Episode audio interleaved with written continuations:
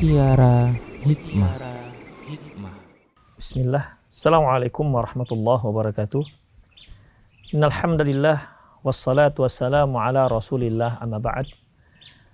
Para pemirsa Rosat TV, kita jumpa lagi dalam program Mutiara Hikmah dalam serial Ibadur Rahman. Kali ini kita akan mengangkat tema yaitu menjauhkan dari perkara yang sia-sia. Para pemirsa, setiap manusia hidup sedikit banyak pastilah dia melakukan hal-hal yang sia-sia. Pernah minimal pernah melakukan hal-hal yang sia-sia. Oleh karena itu sebagai seorang muslim yang sejati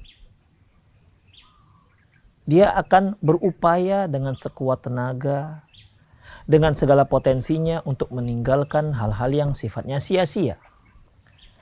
Bahkan baik dan tidaknya agama seorang itu juga terkait dengan seberapa banyak perbuatan sia-sia, ucapan sia-sia yang dia tinggalkan. Contohnya ikhwah sebagaimana yang diriwayatkan dari Abu Hurairah radhiyallahu anhu, qala dia berkata qala Rasulullah sallallahu alaihi wasallam min husnil islami mar'i tarkuhu ma la ya'ni. Di antara tanda-tanda bagusnya Islam seseorang tarkuhu ma la ya'ni. Dia meninggalkan apa yang tidak penting bagi dia. Apa yang tidak bermanfaat bagi diri dia. Jadi semakin semakin banyak hal-hal yang sia-sia dia lakukan, semakin sering hal-hal yang sia-sia dia lakukan, itu berarti menunjukkan semakin rendah juga derajat keislamannya.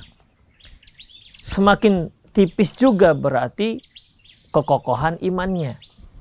Karena ikhwah, sebagaimana prinsip ahli sunnah wal jamaah, iman itu meningkat, iman itu bertambah dan bisa berkurang. Al imanu yazid wa yangkus, iman itu bisa bertambah dan bisa berkurang. Nah, standar dalam hadis ini ya menyebutkan tentang baik dan tidaknya Islam seseorang, lihat seberapa banyak perbuatan, ucapan sia-sia yang dia lakukan. Dan ini kita bisa jadikan sebagai intros, alat introspeksi, standar introspeksi untuk diri kita. Seberapa banyak perbuatan sia-sia yang kita lakukan dari mulai kita bangun tidur sampai tidur kembali. Kalau ternyata setelah kita hitung-hitung banyak perbuatan sia-sia yang kita lakukan, sebegitulah nilai keislaman kita. Demikian ikhwah meninggalkan apa yang tidak penting bagi dia. Ini maksudnya bukan bukan tak peduli dengan lingkungan ya. Ini keliru ikhwah. Ya, itu keliru.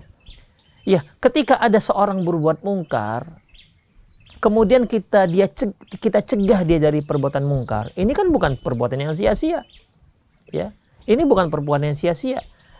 Dan ini satu hal yang bermanfaat baik bagi dirinya maupun bagi diri orang lain. Karena kalau ternyata orang tersebut menerima apa yang arahan kita, menerima satu kebaikan yang kita sarankan kepadanya, maka kita termasuk dalam firman Allah uh, sabda Rasulullah sallallahu alaihi wasallam li Allahu bika rajulan khairul laka min humur na'am. Allah memberi hidayah kepada seseorang melalui dirimu. Allah memberi hidayah kepada seseorang melalui dirimu khairul laka min humur na'am lebih baik untukmu ketimbang unta merah. Unta merah merupakan kendaraan paling mewah pada saat itu. Jadi amar ma'ruf nahi mungkar tidak termasuk dalam sesuatu yang nggak bermanfaat. Ini jelas bermanfaat. Ya. Ini jelas bermanfaat. Oleh karena itu ikhwah, perbuatan sia-sia itu merupakan menunjukkan seberapa tebal seberapa tinggi derajat keislaman seseorang. Ibnu Rajab rahimahullah menyebutkan umumnya perbuatan sia-sia itu banyak terkait dengan ucapan. Ya. Banyak terkait dengan ucapan. Ya mungkin karena kita lebih mudah berbicara ketimbang kita berbuat. Ketika kita duduk, mungkin kaki kita diam, tangan kita diam, tapi lisan kita Masya Allah. Ya, dia terus bergerak, terus berbicara. Dan berapa banyak ucapan sia-sia yang sudah kita kita lontarkan, yang sudah kita ucapkan. Oleh karena itu ikhwah dalam hadis yang lain yang diriwayatkan oleh Al Hasan bin Ali bin Abi Thalib radhiyallahu anhu Rasulullah wasallam bersabda min huslil islami mar'i qillatul kalam fi ma la. Di antara tanda bagusnya Islam seseorang yaitu sedikit bicara tentang sesuatu yang nggak ada manfaatnya. Ya. Jadi kalau seorang banyak ngomong sementara tidak ada manfaatnya, itu menunjukkan tipisnya keislaman seseorang. Dan bahkan bisa kita katakan ikhwah, itu juga menunjukkan tipisnya keimanan dia. Bukankah dalam sebuah hadis Bukhari, Rasulullah Shallallahu Alaihi Wasallam pernah bersabda, "Mangkani yu'minu billahi wal yaumil akhir, falyakul khairan aw liyasmut." Barang siapa yang beriman terhadap Allah dan hari akhirat, hendaklah dia ucapkan yang baik. Hendaklah dia mengucapkan ucapan yang baik, aw liyasmut atau dia diam. Karena banyaknya perbuatan sia-sia itu bersumber dari ucapan, maka hendaklah kita pertama kontrol yaitu ucapan. Sehingga perbuatan sia-sia itu bisa lebih kita tekan. Ma'asyar muslimin rahimani Allah wa iyyakum. Abul Ishaq Al-Khawwas pernah berkata, "Inna Allah yuhibbu thalathan wa yabghadu thalathan." Allah itu mencintai tiga hal dan membenci tiga hal. Fa amma ma yuhib, adapun yang dia cintai, faqillatul nau, faqillatul akal, wa qillatun naum, wa qillati al kalam. Adapun yang dicintai oleh Allah yaitu sedikit tidur, sedikit makan dan sedikit bicara. Wa amma ma yubghiduh, adapun yang dibenci oleh Allah Subhanahu wa taala fakathratun naum. Banyak tidur. Wa kathratul akal. Banyak makan. Wa kathratul kalam. Dan banyak ngomong, banyak bicara. Demikian ikhwah. Jadi para ulama itu banyak menyoroti masalah ini terkait dengan ucapan. Dan memang dosa manusia itu paling banyak itu ya terkait dengan ucapan. Ya. Sampai-sampai Rasulullah mengatakan, uh, al muslimu man salim al muslim min lisanihi. Seorang muslim adalah yang selamat muslim yang lain dari lisannya dan dan dari tangannya. Seorang muslim yang sejati, seorang muslim yang sempurna, selamat muslim yang lain dari lisannya dan dari tangannya. Rasulullah Shallallahu Alaihi Wasallam menyebutkan dari lisan dahulu, baru dari tangan. Mengapa lisan dahulu disebutkan? Karena memang umumnya yang banyak menyakiti kaum muslimin, yang banyak menyakiti orang lain itu adalah dari lisan dahulu, baru kemudian tangan. Demikian ikhwah rahimani Allah wa iyyakum. Makanya sebagai seorang mukmin ya sebagai seorang mukmin kita harus berhati-hati dari yang sifatnya sia-sia. Baik perbuatan yang sia-sia, apalagi ucapan yang sia-sia. Makanya Umar bin Abdul Aziz rahimahullah pernah berkatakan, pernah berkata, "Mana adda kalamuhu mina amalihi." Barang siapa yang menghitung-hitung ucapannya dari amalannya, faqalla kalamuhu fi malayani. Maka ucapan yang nggak penting pun akan sedikit dari yang keluar dari dari lisannya. Itu wasiat dari Umar bin Abdul Aziz. Kemudian kalau kita lihat firman Allah Subhanahu wa taala di antara karakter seorang yang ber, yang seorang yang mukmin yaitu walladzina hum 'anil lagwi mu'ridun yaitu orang yang seorang yang yang berpaling dari dari sesuatu yang sia-sia. Makanya ikhwah rahimani Allah wa iyyakum apa pun aktivitas kita cobalah hitung-hitung lebih dahulu apakah ini sia-sia ataukah tidak. Bahkan kalau kita mau ngomong, kira-kira ucapan kita ini yang akan kita ucapkan ini, ini ada manfaatnya atau tidak. Kalau enggak, mendingan diam. Ya, kalau tidak, mendingan diam.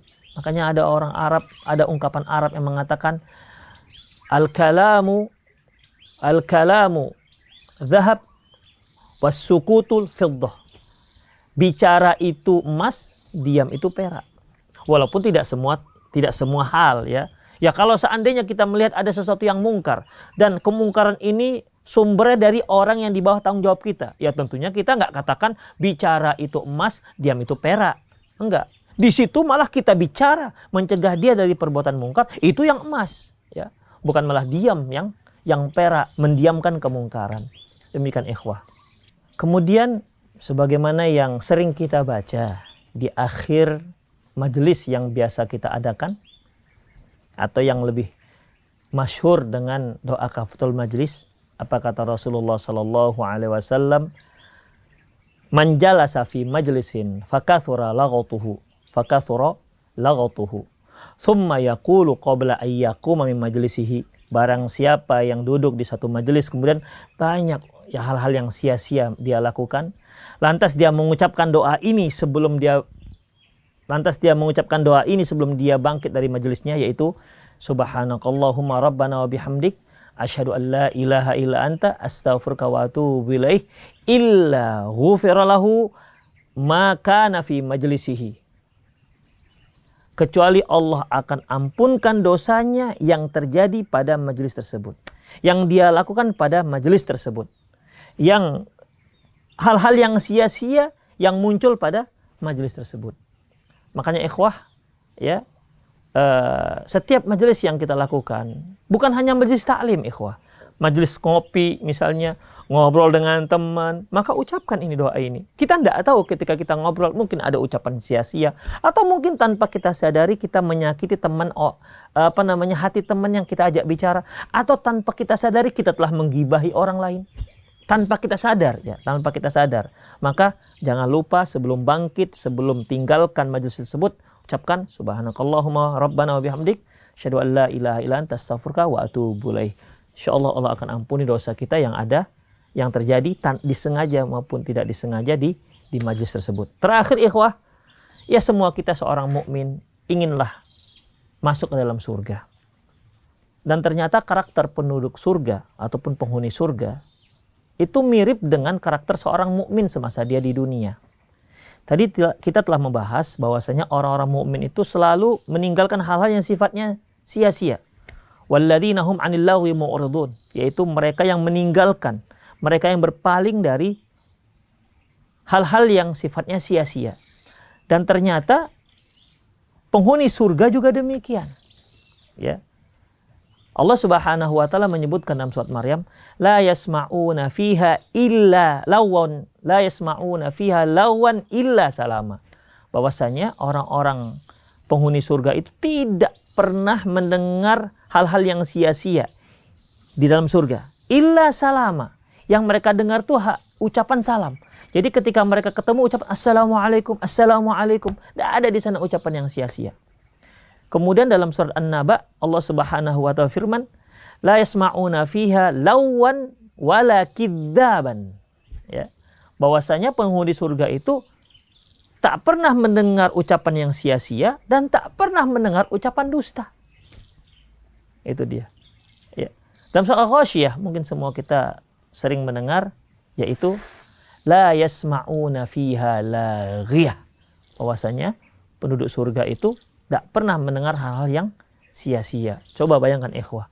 Ketika kita tak pernah mendengar ucapan yang sia-sia, berarti tidak ada yang bicara sia-sia di sana. Ya.